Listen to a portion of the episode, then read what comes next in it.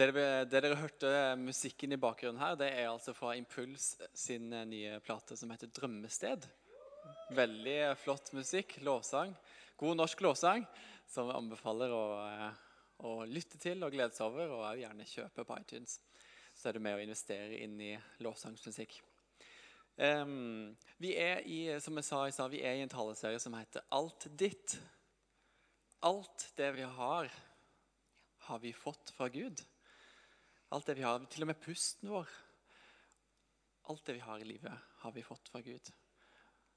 Og det er en fantastisk gave, men òg en, en, en mulighet til å bare gi det tilbake til Gud. Og si at dette, dette er ditt. Jeg vet jeg har fått det, du, har fått det av du, og det tilhører du. Eh, og eh, i, i denne, nå, nå er vi en taleserie som har vart i et par uker. Eh, og, og, og i, i den taleserien snakker vi òg litt om penger. Eh, og det er fordi Jesus snakker om penger på den ene sida. Og vi tror at, em, em, at, at penger kan ha en kraft i seg som gjør at, at det binder oss. Og det er ikke det Gud ønsker for våre liv. Å være bundet. Som jeg sa, han ønsker at vi skal være fri. I uh, Matteus uh, 6 så står det dere skal ikke samle skatter på jorda hvor møll og mark ødelegger, og hvor tyver bryter inn og stjeler. Men dere skal samle skatter i himmelen, der verken møll eller mark ødelegger, og tyver ikke bryter inn og stjeler. For der skatten din er, vil også hjertet ditt være. Og jeg vil bare si at er- Selv om vi snakker om, om penger som noe av det konkrete i dette, her, så har jeg bare så lyst til å si at vet du hva? Gud, Gud bryr seg ikke om pengene i seg sjøl. Det gjør ikke jeg heller. Vi, vi, vi tenker ikke på pengene i seg sjøl, men det handler om noe bak her. Om hjertet. At vi skal kjenne at vi, vi er fri. At vi er fri til å leve det livet som Gud har for oss. Og eh, Jeg syns det har vært eh, flotte søndager med dette temaet. Og eh, når vi forberedte denne taleserien og snakka om, om dette, her, så, så hørte jeg en del av historiene til Øystein som han delte fra han og Gry sitt liv. Og jeg ble bare så utrolig inspirert og tenkte bare, vet du hva, dette her må vi, dette må vi høre. vi, vi må sørge for at alle i menigheten kan få høre disse historiene. Og jeg høre den vandringa som dere har gått når det gjelder eh, eh, penger og hvordan vi kan leve et liv i frihet. Så Derfor er jeg så utrolig glad for at dere er her i menigheten og tilhører menigheten, men også skal dele fra, fra livet deres. Og så ser våre liv ser forskjellige ut. Det er ikke poeng her nå skal vi kopiere alt, hvordan ting ser ut for dem. Men kanskje det kan gi inspirasjon og bilder på hvordan eh, livet med Gud på dette området her kan se ut. Så i Jesu navn, fyll Gry og Øystein opp med din ånd, og takk for at de, de er her. Amen. Amen. Amen. Dette er da Gry Øvergård. Hører dere meg? Ja. Så må du si det er Å ja, dette er Øystein. Ja. Sånn at du visste hvem som var hvem, tenkte jeg. Det er jo litt viktig. Altså, taleserien Alt mitt, ditt eh, er godt i gang, og nå er det vår tur. Og jeg husker jeg i, eller Vi har vært i IMI i 15 år. Det er lenge. Jeg er snart 50, hun er snart 39. Nei, du er egentlig nei, Takk. Jeg har lov til å ljuge på alderen når det gjelder henne, men at jeg skal være ærlig. Eh, hun er fem år yngre, hvis det var noen som lurte på det. Men eh, noe av grunnen til at vi ville hit når de tok kontakt for Vi var pastor i Bergen, i en menighet der. Og så var det Hun ville komme og jobbe som låsingspastor her i Imekirken. Og da var det liksom Det vi møtte her av Guds rikeliv, av trosliv, av du hva, Vi har tro for ting. Vi går for ting. Vi vil noe. Det var liksom Og så er vi her. Og så er det å leve et Guds rikeliv det, er, det dreier seg ikke bare om når det er noen som er syke, som vi ber for. Men det har med alt som er meg å gjøre. Og da gjelder det også pengene. Ikke sant? Forvaltningen av det jeg har, tida mi, alt, alt det der henger sammen.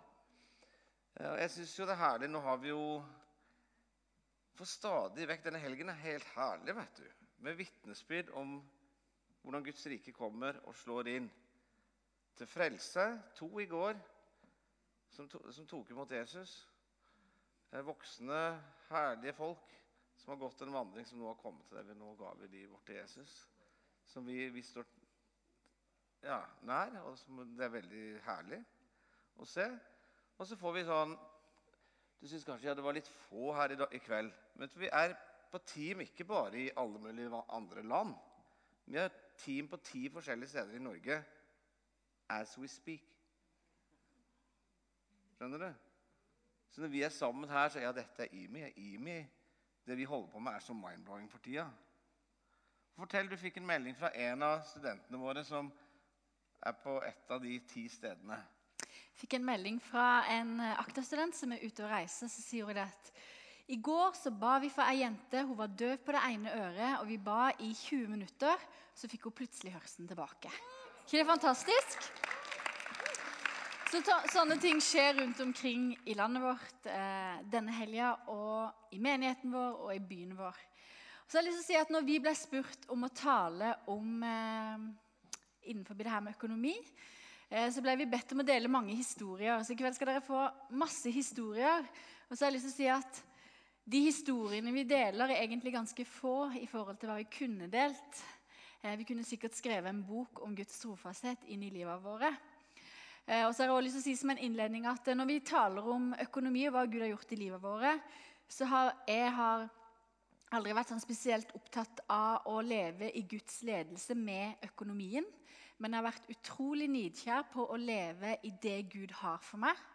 Og da har han tatt meg inn i å leve et liv i tro i forhold til økonomi. Så både jeg og Øystein har siden vi møttes, nok vært ganske sånn Vi vil leve i det Gud har for oss. Og da har det med økonomi blitt en naturlig konsekvens av å leve i det Gud har. Så fokuset vårt har egentlig aldri vært å leve i tro med økonomien, men det har blitt litt sånn. Amen. Ja, Så nå syns jeg du skal Godt sagt, frue. Ja, det var fint. Eh, skal du begynne, eller skal jeg begynne? Nei, jeg begynner jo. Ja. Siden vi, sånn vi avtalte det. Det er viktig for meg at vi alltid følger skjemaet veldig nøye. Altså, Det er litt sånn utfordrende for meg å tale sammen med Øystein, for jeg liker jo å være veldig strukturert og ha en plan, sånn, mens han er litt mer sånn løs kanon. Og det er litt sånn Men jeg tror det, tror det skal gå bra. Nei, nei, det er gjennomtenkt. Er jo, er, jeg lever i nuet. Ja. Akkurat, skjønner dere. Ja, ja. Ne, poenget er jo Jeg husker jo du blir litt sånn jeg husker Geir talte første, første dagen. Hør gjerne på den hvis du ikke har hørt den. altså første talen i serien. Så sier han ja, ja han ble så utfordra når han hørte om at vi hadde gitt bort bilen vår. Eh, så sitter han ja, ja. Det er jo sant. Men det er jo så, så viktig å se òg at jo, Vi gir bort bilen fordi vi spør Gud hva vi skal gjøre fordi økonomien er dårlig. Skjønner du? Så det, er noe med, I Guds rike så er det ikke logikk. Menneskelig logikk, det er Guds logikk. Så når vi setter oss ned den sommeren Ok, Gud, hva, hva ser du? Det står at vi er satt i himmelen med Kristus, så vi har på en måte lov til å sitte der og så se på livet vårt og spørre Gud hva ser du? Hva gjør vi? Nå ser du, nå er det litt for mye utgifter i forhold til inntekter. Gi bort bilen din. Det henger jo ikke på greip. Men så gjør vi det. Og så sier han 'kjøp ny bil', som var veldig dyr. Og så hang ikke det heller på greip. Men så sa Det var en sånn Santa Fe SUV vet du, med matchende takboks og flere hundre tusen. Og det var bare sånn Vi kan ikke gjøre dette. Og så Så husker jeg Gud sa til oss at Santa Fe betydde noe. For det var det bilen het. Og så gikk jeg i to uker og prøvde å finne ut hva det var. betydde. Og så etter to uker så sier Bjørn, en av teologene på huset Vet du hva Santa Fe betyr? Hvis du vet det! Så skal jeg. Og så sa han det betyr hellig tro.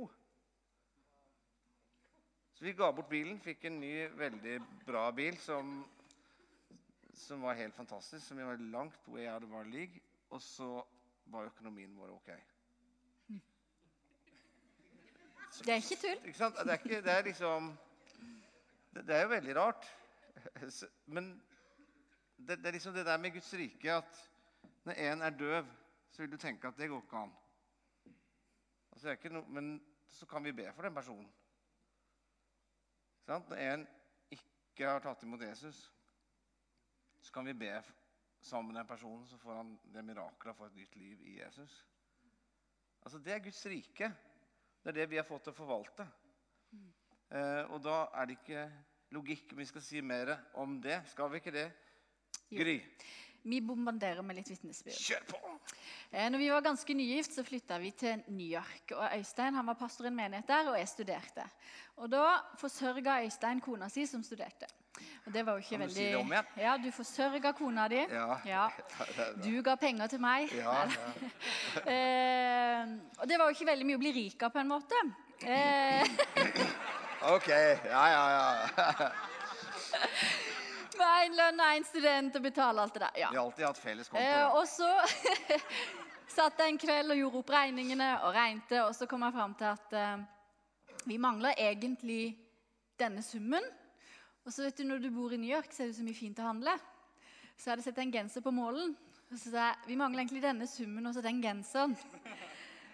Og så kom Øystein, og så snakka vi om det. Og så sa jeg vi mangler egentlig 830 dollar. Og så satte vi oss ned så ba vi sammen. Så vi mangler det hvis vi tar med genseren. Hvis vi tar med genseren, sa jeg. Eh, og så satte vi oss ned, og så ba vi. Eh, og så Det her var fredag. Og lørdag morgen så ringer det på døra. Halv ni om morgenen. Da var det Mrs. Mims Dorothy Mims. som ringte på. Eh, og så sier hun jeg opplever at Gud har minnet meg på å gi dere denne sjekken. Og den var på 830 dollar. Inkludert genseren. Yes. Så Gud han er raus, og han forsørger. Jeg har en annen litt sånn gøy historie på det når Gud forsørger. Eh, jeg studerte som sagt, eh, og så flytta vi til Norge. Så hadde vi bodd i Bergen et par år. Eh, og så var det en sånn situasjon igjen hvor vi eh, tenkte at nå må vi be Gud om eh, at han skal forsørge oss. Og så ba vi, jeg husker ikke beløpet, men vi ba om et beløp. Og så kom det en sjekk i posten en dag. Og det var altså en sjekk fra det universitetet jeg hadde studert på. Da hadde de gjort opp the account, og så hadde de funnet ut at de skyldte meg penger. Og jeg skjønner ikke hvordan de har kommet fram til det. Og så har den sjekken vært på reise rundt i verden i seks måneder, for de fant jo ikke ut hvor jeg bodde hen. Og den dagen vi trengte de pengene, så kom akkurat det beløpet vi trengte, i posten i en sjekk fra Liberty University. Og det er bare sånn, Vi har så mange historier på Gud som forsørger med eksakt beløp. Og det er helt vanvittig.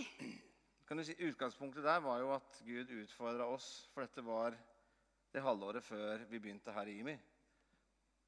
Hvor Gud egentlig sa nå skal dere roe deg ned, ikke jobbe så mye og sånne ting. Eh, fordi at dere må forberede dere på det jeg skal ta dere inn i. og sånn. Det var før vi egentlig visste at vi skulle til IMI, men det var det Gud eh, talte til oss om. Og så visste vi at hvis vi gjør det, så har vi ikke nok penger. Så det var ikke bare sånn at, Men det var av lydighet at vi gikk inn i å leve og visste at det kom ikke til å gå økonomisk. Og så opplever jeg at Gud er mer enn raus. Det var ikke bare sånn at Gud har forsørga oss på de tinga der vi trengte regninger eller der. Men eh, jeg har etter hvert som troa mi har vokst i dette, så har jeg etter hvert fått tro for å be for ting. Så for, for noen år siden så sa jeg til Øystein jeg tror jeg har så lyst på høstferie til Syden. Og så sier Øystein ja, det skjønner jeg at du har lyst til, men sånn som det er nå, så kan vi ikke bruke penger på det. Jeg sier nei, men jeg kan be om at vi kan få penger til den sydenturen. Så jeg sier ja, det kan du be om. Så sier jeg ikke finn på noe høstferie, nå holder vi denne uka av, for jeg tror for at vi skal få penger så vi kan dra til Syden. Og jeg ba, og Øystein, du rista litt på huet, gjorde du ikke det? Altså, I hvert fall Ja. så ba jeg over en eh, periode på kanskje fire-fem uker. Og etter fire-fem uker så kommer det en dame til meg så sier hun det at eh, jeg opplever Gud har minnet meg på å gi deg disse pengene, og Gud sier det skal være til ferie. og det dekka ferien. Og det si dekka ferien. Eh, og da dro vi til Syden, da. Det var jo så kjekt. sånn. Du kan jo dele, hun skal dele litt mer av sin vei i det, men jeg vil jo si at i starten hadde Gry økonomien, for hun har jo veldig kontroll på tall og sånn. Selv om jeg måtte le i morges. det er så gøy. Fordi vi presenterte henne, og så sa hun ja, hvor lenge har vi vært gift? I 23 år. Hvor lenge har vi vært sammen, da? Så jeg, det 25? Så sier hun ja, 20. sier hun. Ikke sant? Så plutselig så følte jeg at det var jeg som hadde mest peiling på tall. Men, men det var veldig mye bekymring knytta til økonomien for Gry sin del. Så det ble til at jeg overtok ansvaret for alt som hadde med økonomien å gjøre. Men så når du vokser på en måte i Guds rike-livet, så går du av og til litt forbi folk. Og da blir det utfordrende for meg når hun får tro for alt mulig. Eh, og det er jo herlig. Altså I fjor sommer så var det alt mulig ting vi skulle gjøre. Så sier jeg men det går ikke. Ja, ja, men jeg har fått tro for at vi skal få igjen 50 000 på skatten. Og hun har jo ikke peiling på tallene. ikke sant? Jeg bare sier, men hvis vi får igjen 20, så er det et mirakel, sier jeg. Ut ifra, ikke sant? Og så kommer skatteoppgjøret, og så fikk vi 49 700 og et annet. Så det var feil. Du tok feil. Jeg tok ikke- feil. Du fikk ikke 50 000. Du hadde rett, ikke sant? Ja, eh, en, en annen jeg husker, så, så var vi sammen og leda lovsang i Atlanta. Noen få år siden. Og så sier Gry jeg kjenner for at vi skal gi 500 dollar til hun gamle damen. Og så var det ikke akkurat sånn at vi hadde noe Vi hadde jo ikke egentlig de pengene, så da ble det å ta minusen på kontoen. Uh, for å gi alle de pengene. Det er mye penger, skjønner du. Men det som skjer, er at Så må jeg spørre Gry ja, det, Ser du et behov, eller opplever du Gud sier det? Så sier jeg jeg, jeg tror det er Gud som minner meg på det. Uh, ok, fredag ettermiddag så gir vi hun her dama 500 dollar. Så går vi på leder lede lovsang. Og så etter møtet så kommer det en mann bort til meg og sier eh, Jeg opplever Gud har minnet meg på å gi deg 500 dollar. Så da ga vi vekk 500 dollar til den gamle dama, og så fikk vi 500 dollar. Så vi kom ut i null. Men vi fikk et vitnesbyrd og fikk være til velsignelse. Eh, og Det er litt sånn Guds rike fungerer. da. Han kaller oss til å tenke at alt mitt er faktisk ditt. Og da, eh, Nils, når jeg gjør sånn, så må du bytte bilde. Er du klar? Ok. Er du klar? Én, to, tre. Ja, ok, du kom. Så Nei, og jeg tror at tror også litt på det der at hvis Gud minner deg om et, et tall du skal gi til noen, et beløp Jeg vet sjøl, hvis jeg liksom hadde følt Gud, så hadde jeg Gå og gi 830 dollar til den og den personen. Så hadde jeg gjerne tenkt ja, jeg gir 850. Ikke sant? Men hvis du kjenner på et tall Det er, mye sterkere for oss når vi sitter der med den der eh, lappen som vi har bedt over det beløpet. Så kommer akkurat det beløpet. Så, så det er ikke liksom Å, du må gi alt. ikke sant? Men bare liksom vær lydig mot Gud. For det blir som regel best. Er du enig? Og så er det jo litt kult, for det er jo mange bilhistorier. Og fått veldig tro for det når bilen bryter sammen. Enten det er toppakning eller girkasse eller hva det måtte være. Eh, Jeg husker kjørte på motorveien her ute, og så røyk girkassa. Og så var det liksom 33 000 eller noe. Og jeg var litt sånn Å, dette har vi jo absolutt ikke penger til. Og så, og så sier jeg til Gud OK, men nå jo, har vi jo gitt deg livet vårt og alt som er oss. Så det er jo teknisk sett din bil. ja. Men det er jo sant. Det er jo sant. Så det er noe galt med bilen din. Hva tenker du å gjøre med det? Og så sa jeg til Gud, du ser at dette her har ikke vi råd til, men bare legger det i dine hender. Så husker jeg da det var i helgen, og så innen onsdag den uka så hadde vi blitt kontakta Det er det 15 forskjellige folk i miljøet her i IMI. Vi hadde ikke gått ut på Facebook. Vi hadde ikke gått ut som Ikke sant? Men vi snakka med Gud om det. Det er 15 forskjellige som kjenner seg minna om å gi oss penger, som til sammen blir ca. 33 000. Altså, er ikke det herlig med et sånt miljø? Sånn, altså, sånn er vi. Og sånn ønsker vi å være. Vi ønsker å være et folk som lever annerledes med økonomien vår. som lytter til Gud, og som har tro for at det òg kan være noe som Gud bruker til å se sitt rike gå fram. Amen? Halleluja. Ok, da har vi her. Og hva er alt mitt, da? Jeg må gjøre sånn. Ja! Altså, Jeg må gjøre sånn for at du skal bytte, egentlig. Ok? Nei, men det er greit. Hva er alt mitt? Vi snakker om det.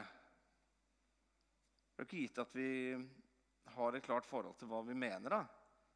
Så jeg tenker mine planer. Når det står i Bibelen at Jesus er, tar imot Jesus, det er på bekjennelsen at Jesus er Herre. Disiplene ber Jesus om hvordan de skal be, så sier han be, la din vilje skje.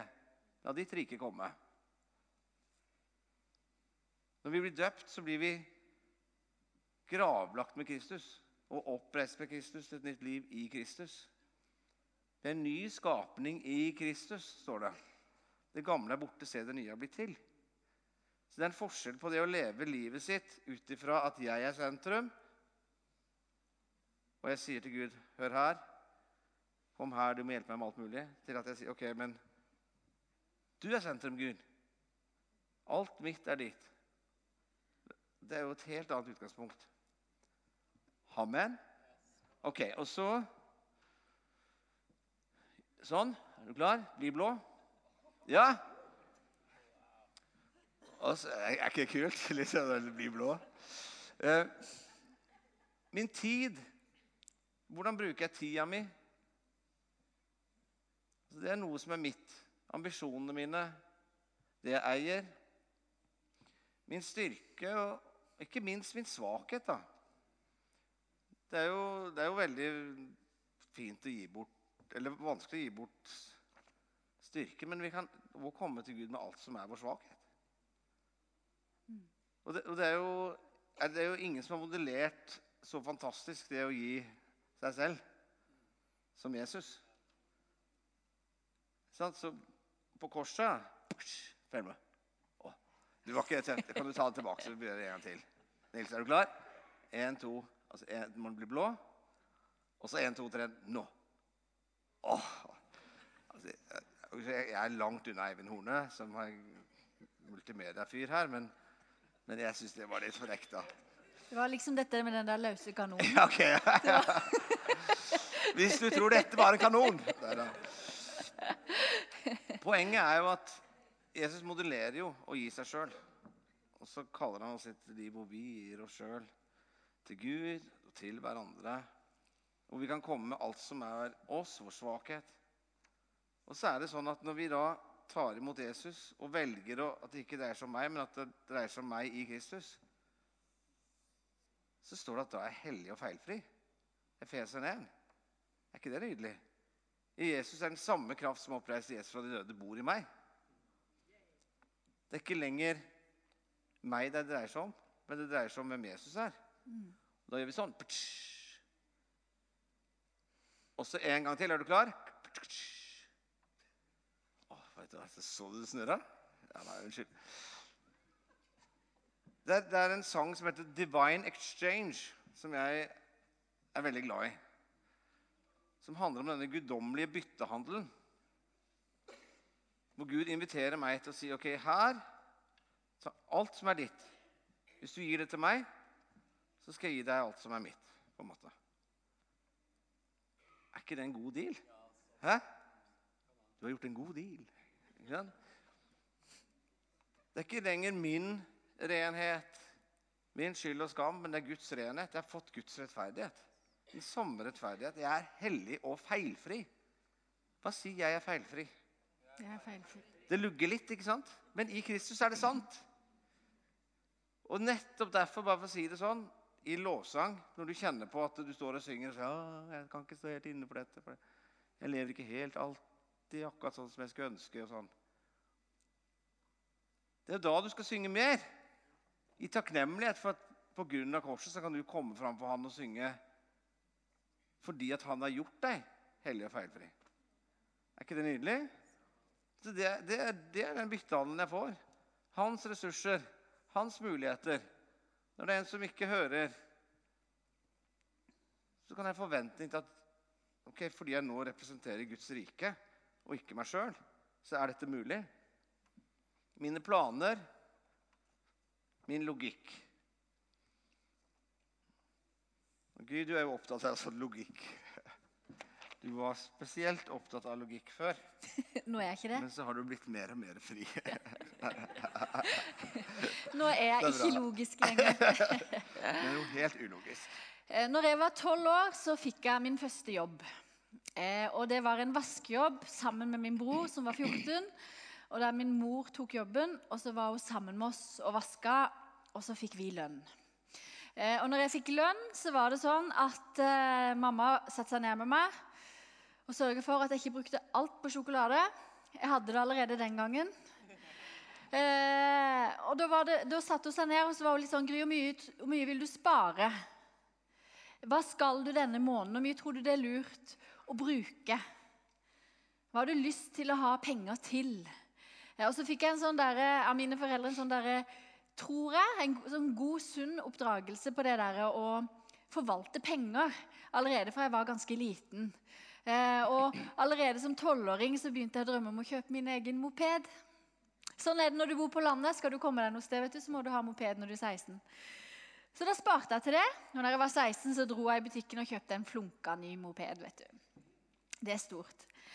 Eh, og så har egentlig tall alltid gitt mening for meg. Jeg liker matte, jeg liker økonomi. På videregående så hadde jeg matte- og økonomifag og hadde egentlig tenkt å bli siviløkonom.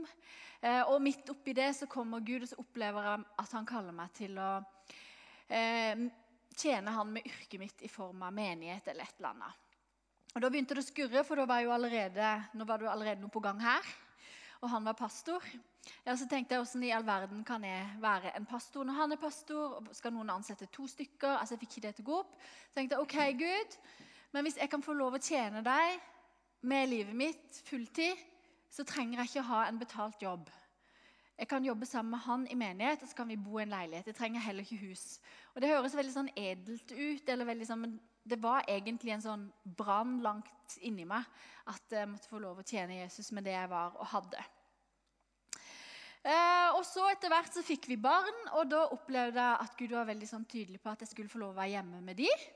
Så jeg var hjemme med de mange år, og det blir du jo heller ikke veldig rik av. Eh, sånn pengemessig, i hvert fall. Blir veldig rik ellers, men ikke sånn pengemessig.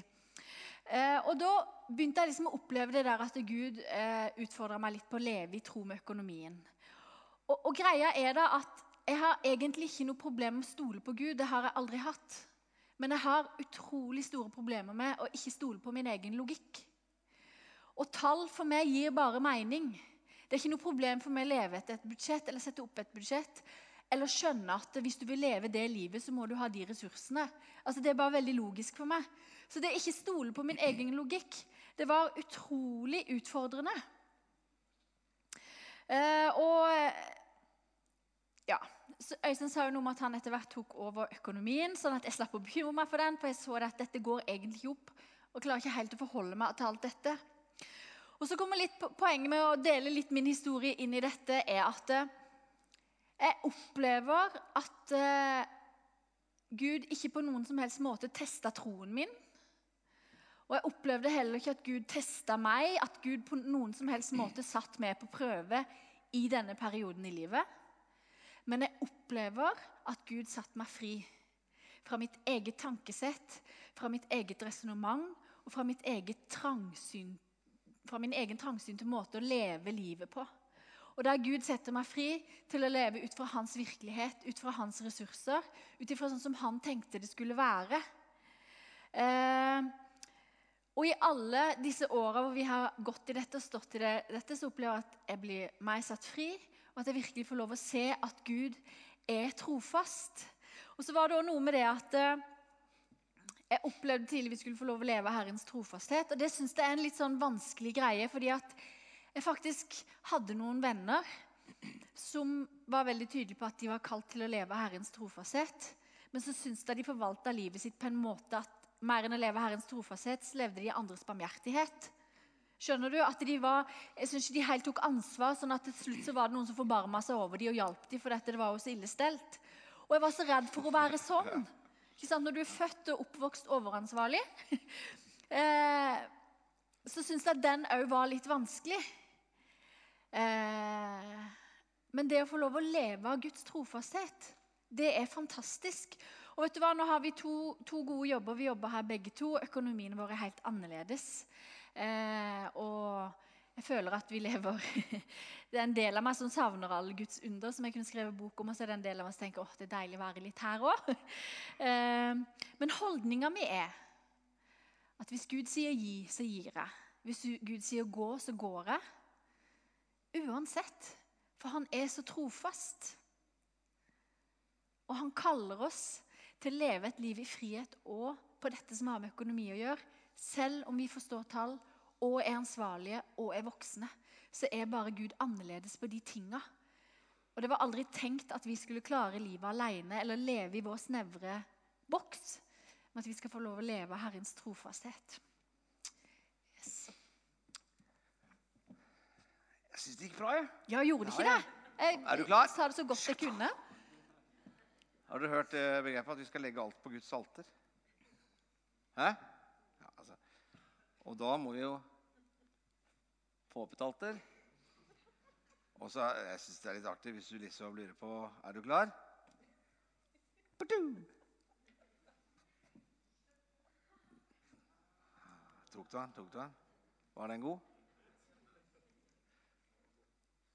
Altså, vi, Jesus ofra sitt liv, og vi ofrer vårt liv og legger det på Guds alter og sier 'Her er jeg. Alt som er meg.' Jeg legger alt der. Jeg tror at jo, jo mer vi på en måte får tro for og syn for å se hva det betyr, hvordan Guds rike ser ut på forskjellige områder, jo mer eh, får vi oppleve å leve i Guds rike på det området. Hvis du skjønner? Så jeg tror fint det går an å be Led meg inn i frihet på det med økonomi. Led meg inn i La, la meg få se på en måte hvordan det kan se ut i mitt liv. Og så er jo det Min opplevelse i dette er jo at når vi legger oss Gud i tillit til Han, og du går veien med Gud, i relasjon med Gud, så blir det ikke sånn at jeg liksom, nå skal jeg ta meg sammen. Nå skal jeg bli en sånn snill person som skal være raus. Men, men det er noe som Gud gjør på innsida, som gjør at det blir bare en naturlig konsekvens. Skjønner du hva jeg sier? Ja. Amen. Ok. Da gjør vi sånn. Det er bra.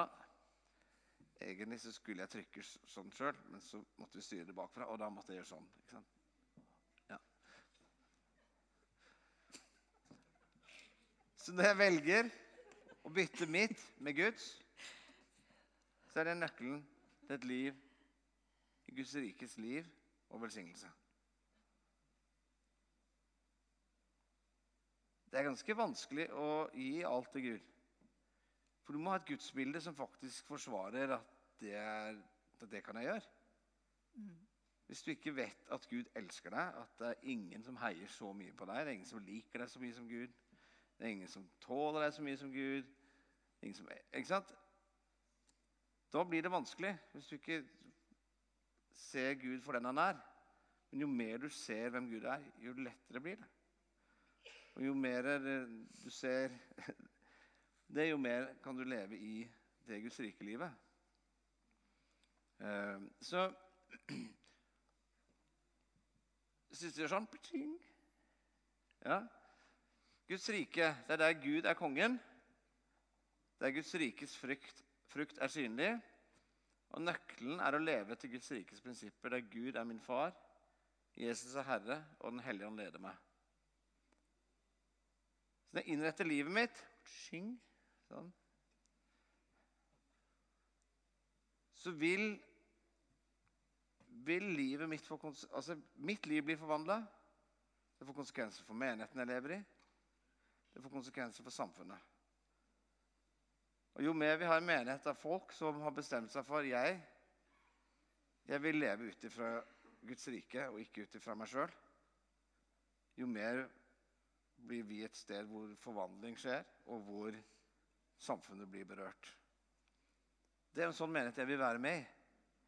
Og Det var jo det jeg så for 15 år siden. at, vet du hva, Imi har noe av dette. Dette som jeg, jeg har tro på. Som jeg tror kan forvandle verden.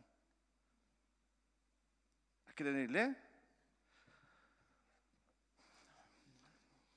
Du legger dine notater oppå mine. Nei, det er ikke bra. Og da blir jeg en løs kanon. Ikke sant? Og, det, og da blir det bare sånn. Det er så bra. Hvis du, skal ikke slippe til helt ennå, men det er en god øvelse for deg. Ja, nei, jeg øver på meg, så du bare Hvis vi gjør sånn. Åssen er Guds rike? Jo, det er jo Jeg stiller meg innenfor Gud. Jeg har på en måte lagt mitt eget liv på alteret. Og så har Gud sagt ok, men da skal jeg gi deg av mitt. Så når jeg lærer meg bare å leve og ta imot av det, så er det ikke for at jeg skal sitte å, det er så koselig, det er så godt. Men det er for at jeg skal gi det videre. Ikke sant? Og så gir jeg det videre. Og hva er det som skjer i Guds rike når du gir noe videre? Det bibelske prinsippet er Gi, så skal du få. Og det er den gode Guds rike-sirkelen som vi leser om i teologien. Jeg vet ikke om jeg har lagd det sjøl, men, men jeg syns det er veldig, veldig bra. For det er noe med Ikke sant? Nå gir vi, så får vi. Er det ikke fantastisk å være i et miljø hvor folk er opptatt av å gi? Så bare tenk dere på anerkjennelse. Gode ord det fungerer veldig bra for meg. Ikke sant? Det, det, det funker veldig fint. Jeg blir glad at noen sier noe fint. Vil dere ha et eksempel? Nå er jeg veldig spent. Ja, det er veldig bra. For hvis jeg skal få han til å rydde, det funker ikke, vet du. Men hvis jeg sier sånn Øystein, du er så ekstremt flink til å lage systemer. I det skapet trenger vi et system, og jeg får ikke det til. Og jeg sa nei, men det tar jeg meg av! Det systemet kan jeg lage! Så Så, det, sånn det er funker bra. Ja, ja. Sånn sett så funker det bra. Det funka de syv ganger syv og 77 funker ennå. første Du, gangene. bare du bare skjønner det ikke, men det funker Ja, ennå. ja. Så OK, ja. Så vi er jo enkle, vi menn. Det er bra. Det er sånn det er. Men se, vi gir, og så får vi. Vi er for anerkjennelse. Det er mye bedre å være et sted hvor jeg har fokus på å anerkjenne og gi ut. Når jeg ser noe bra, så sier jeg du, så bra. Og så, hvis det er en kultur som vi bygger, da får jo jeg masse gode ord sjøl. Når folk ser noe bra, så setter de ord på det. Er ikke det mye bedre enn liksom å Det har en effekt du står opp om morgenen og liksom Hallo, kjekken. Ikke sant? Men det er jo litt kjekkere når noen andre sier 'Så fin du var på håret'. Er du enig? Det er et banalt eksempel. Men jo mer vi er en kultur som er opptatt av å gi?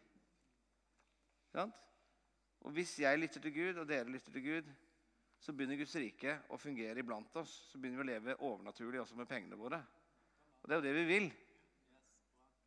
I morges var det drama på video av uh, brødunderet med de fem brød og to fiskene. Som ble til vanvittig mye. Når vi gir litt, så kan Gud gjøre enormt mye. Det er ikke sammenheng mellom hvor mye vi for eksempel tar inn i kollekt her, og det som skjer internasjonalt i de 14 landene vi holder på, eller hva det er. Sant? Det henger ikke helt på sammen men, sammen, men Gud bruker det og gjør det til mye mer. Det er Guds rike. Så Gud sier OK, gi det lille, da. Ok, greit. Og så får du det tilbake. Så Guds rikes prinsipper for meg, det er jo å la Han være herre. I forhold til penger så, så syns jeg for meg altså, Tienden syns jeg er veldig tydelig. Eh, og det er ikke en plikt for min del. Det er sånn Selvfølgelig.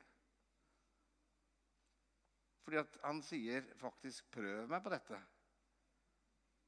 Kom med hele tienden til forrådskammeret, så det fins mat i mitt hus. Prøv meg på denne måten, sier Herren over hærskarene. Jeg skal sannelig åpne himmelens sluser og øse ut over dere velsignelse uten mål. Hvem er det som ikke har lyst til å stå i Guds velsignelse? Ja? Nei, det vil jeg ikke. Vil du at Gud skal øse, åpne himmelens sluser over livet ditt? Du, vi vil jo det. Men så sier han ja, men så, så kom med tienden. Prøv meg på det, så skal du se om ikke. Og så kan du si ja, jeg ga 500, men jeg fikk ikke 500 igjen tre timer etterpå. Så da funka det ikke for meg. Vi må se mye større på dette. Jeg får velsignelser igjen på mange, mange måter. Og når jeg har vært med å gi kanskje til Kambodsja, og er med der, så, så får jeg høre om liksom Nå ble det liksom 3000 frelst i Kambodsja. Du har en litt annen glede over det når du faktisk har gitt noen tusen inn i det. Det har med eierskapet, det har med hva vi legger hjertet vårt ned i. Mm. Sant? Det er jo det er viktig. Så Bibelen snakker om tiden og offergaver som på en måte kommer utover det. Sier Gud ok, men velsign de, ok? Og så blir det sånn jeg gir, jeg får. Guds rike. Og Gry, kan ikke du si litt om Guds omsorg? Mm. Det er jo du så flink til. Det kan jeg si. Ja. vet du. Da må du trekke deg litt. Jeg skal sette meg litt ned. Gud han har en vanvittig omsorg for oss. Og ofte, eller ikke ofte, men jeg tror når vi blir voksne, så tenker vi at nå er jeg voksen, og nå må jeg klare meg sjøl. Og så er òg det forventa oss til en viss grad. Eh, men når du leser Bibelen, så ser du at Gud han er en god far, og han har omsorg for oss uansett. Og han slutter ikke med å ha omsorg for oss, eh, selv om vi blir voksne. Eh, og nå har jeg to voksne barn. En gutt på 18, han er voksen. Han er myndig, i hvert fall. Så har jeg en datter på 21. Hun flytta ut for tre år siden. Og nå er hun til og med gift. Og det er klart det at jeg har like mye omsorg for de barna mine, selv om de nå er store. Men det er jo ikke sånn at jeg går rundt og er redd for om de har tørre sokker på beina, eller om de får i seg nok mat. Eh, eller eh, sånne ting som jeg bekymra meg før, eller tenkte at det var mitt ansvar. Men jeg har like stor omsorg for dem. Eh, og jeg føler ikke at jeg har økonomisk ansvar for min datter som har flytta ut. For det klarer hun sjøl. Men jeg har en like stor omsorg som når de var to år. Eh, og Et sånt bilde på det denne uka her, så dro jeg og min svigersønn ut og kjøpte slalåmutstyr til min datter, for det var omtrent pulverisert, hennes gamle slalåmutstyr. Eh, og det var ikke jul, og det var ikke bursdag, men vi hadde lyst til å overraske henne. Så vi kjøpte fullt, eh, Hun visste ikke om det, så vi kjøpte fullt slalåmutstyr til henne. Og så eh, kom vi inn med det, og hun var bare 'Er det til meg?' Ja. 'Skal jeg få det?' Ja. ja, men skal jeg bare få det nå? Ja. Ja, men har dere kjøpt Ja, men jeg har jo ikke bursdag eller jul. Nei. Ikke sant? Men det er en sånn der omsorg Du har lyst til å gjøre gode ting for barna dine selv om de er voksne. Du har lyst til å velsigne dem. Og, den gleden hun fikk, og den der overraskelsen ja, men skal jeg, Hæ? Det er jo så kjekt å oppleve for meg som mor. Og vet du hva? Sånn er Gud òg. Det er ikke det at fordi om du er voksen, så slutter hans omsorg for deg, og han lener seg litt tilbake. Eh, og Gud han sier at hans omsorg er så utrolig mye større for oss enn den vi har for våre barn. Og bare, bare, bare, ta det litt sånn inn. At Gud har en enorm omsorg for deg. En utrolig omsorg for deg.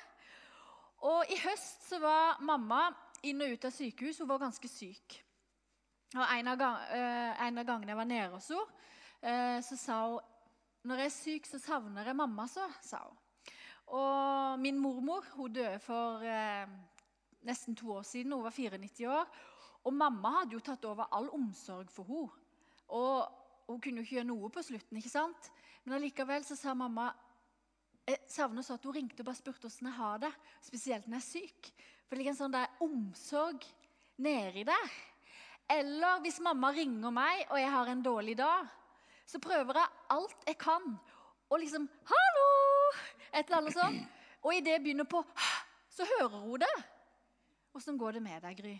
For dette er en sånn omsorg som bare ligger så dypt nede i magen at hun bare vet det sikkert før hun ringer. Skjønner dere den omsorgen? Og så står det i Guds ord at hans omsorg er så enormt mye større enn det for oss. Så når jeg sier at vi skal få lov å leve etter Guds rike prinsipper, når vi skal få lov å leve i tro med livet våre, så er det sammen med en omsorgsfull far som har en enorm omsorg for oss. Det står Kast alle deres bekymring på han, for han har omsorg for dere. Og det er ikke en sånn er tilbakelent litt sånn Men han lener seg virkelig inn i det. Uansett om du er 20 eller 60 eller 80, uansett om du har god eller dårlig råd, eller om du har god eller dårlig helse, eller hva enn, så har han sånn en enorm, dyp, dyp omsorg for deg, som du skal få lov å leve av. Hei, hei. Du, eh, noen ganger så har vi jo noen opplevelser med Gud av Guds omsorg. Og jeg sa ikke det i morges, så hvis du var der i morges, er dette en bonushistorie. Men uh, når jeg For en del år tilbake så levde jeg litt usunt, så jeg gikk av og til og spiste på bensinstasjonen. Uh, litt for ofte, da. Og så, så var, var det en periode hvor Gud bare han, Guds velsignelse var liksom på noe så vanvittig. Og midt i en tid som egentlig var litt sånn helsemessig utfordring. Jeg var 50 sykemeldt og, og, og, litt sånn. Men det var ikke som Gud ville si til meg jeg ser det.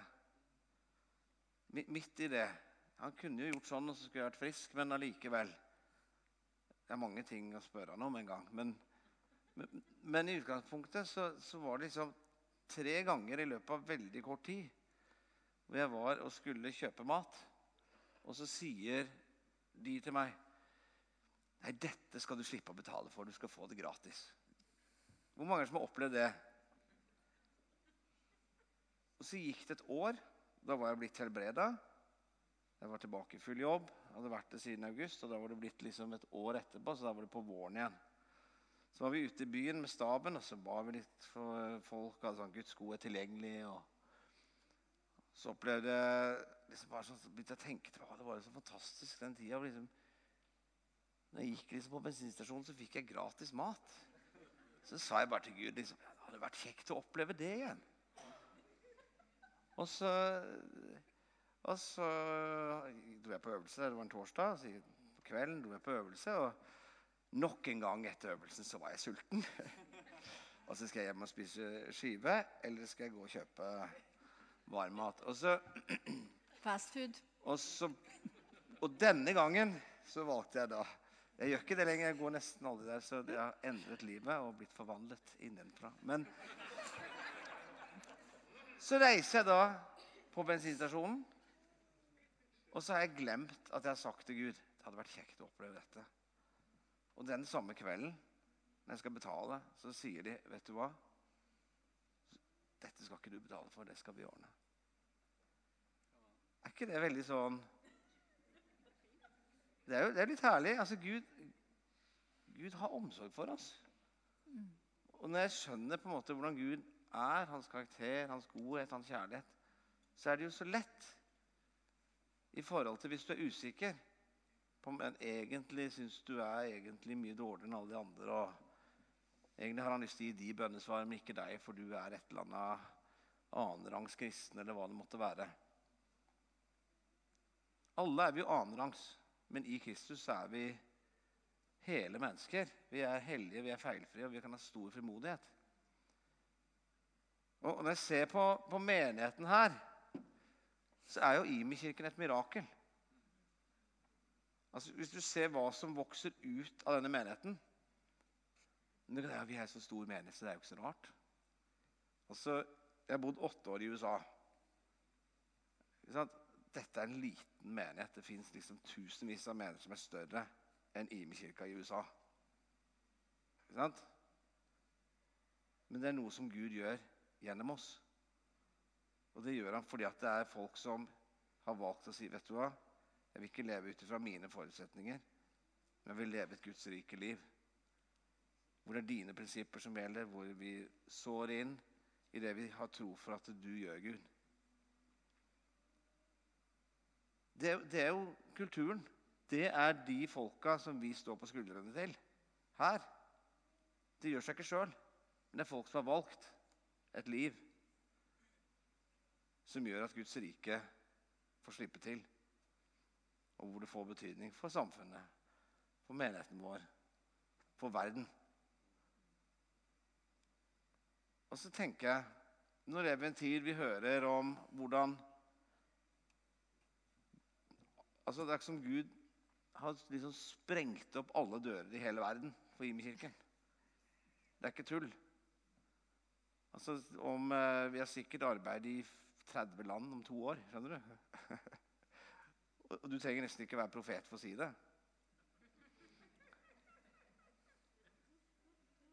Hva betyr det for oss som forvaltere?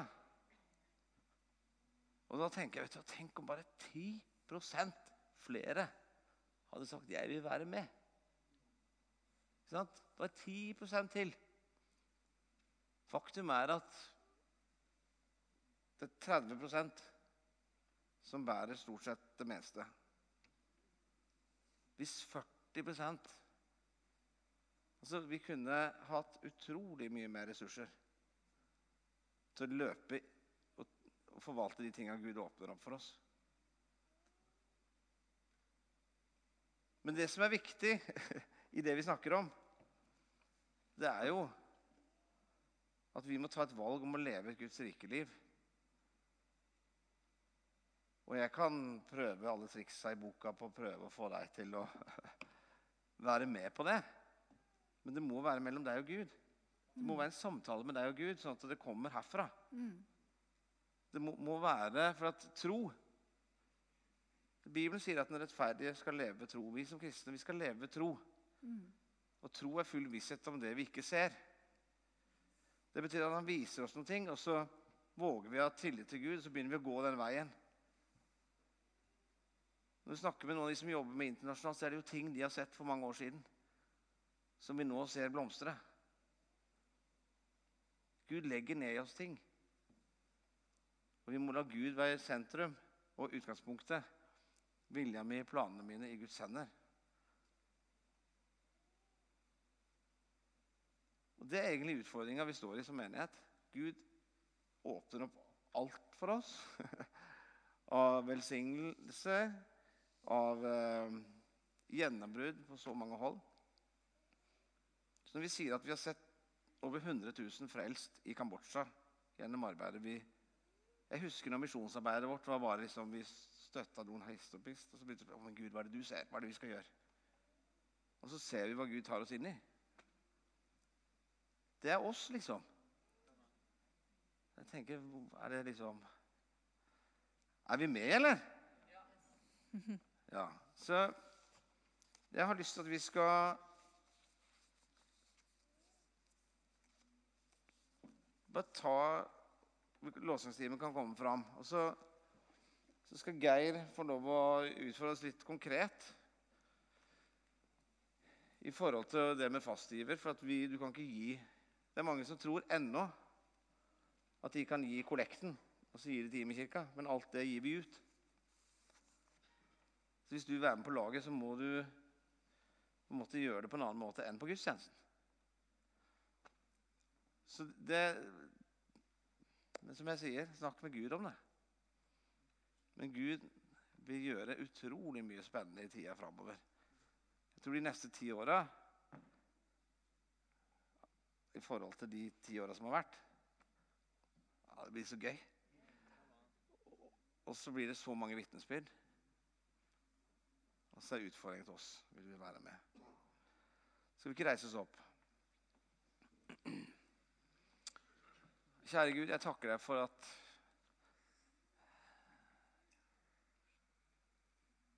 At din trofasthet står fast.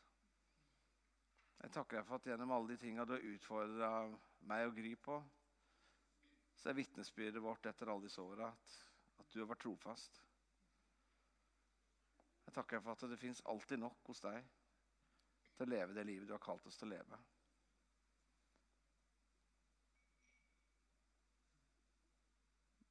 Ber bare at du skal gi oss et bilde av deg, Gud, som er så tydelig og klart og sant At vi skjønner at det, det vi vil, er bare å leve og legge alt ned for dine føtter.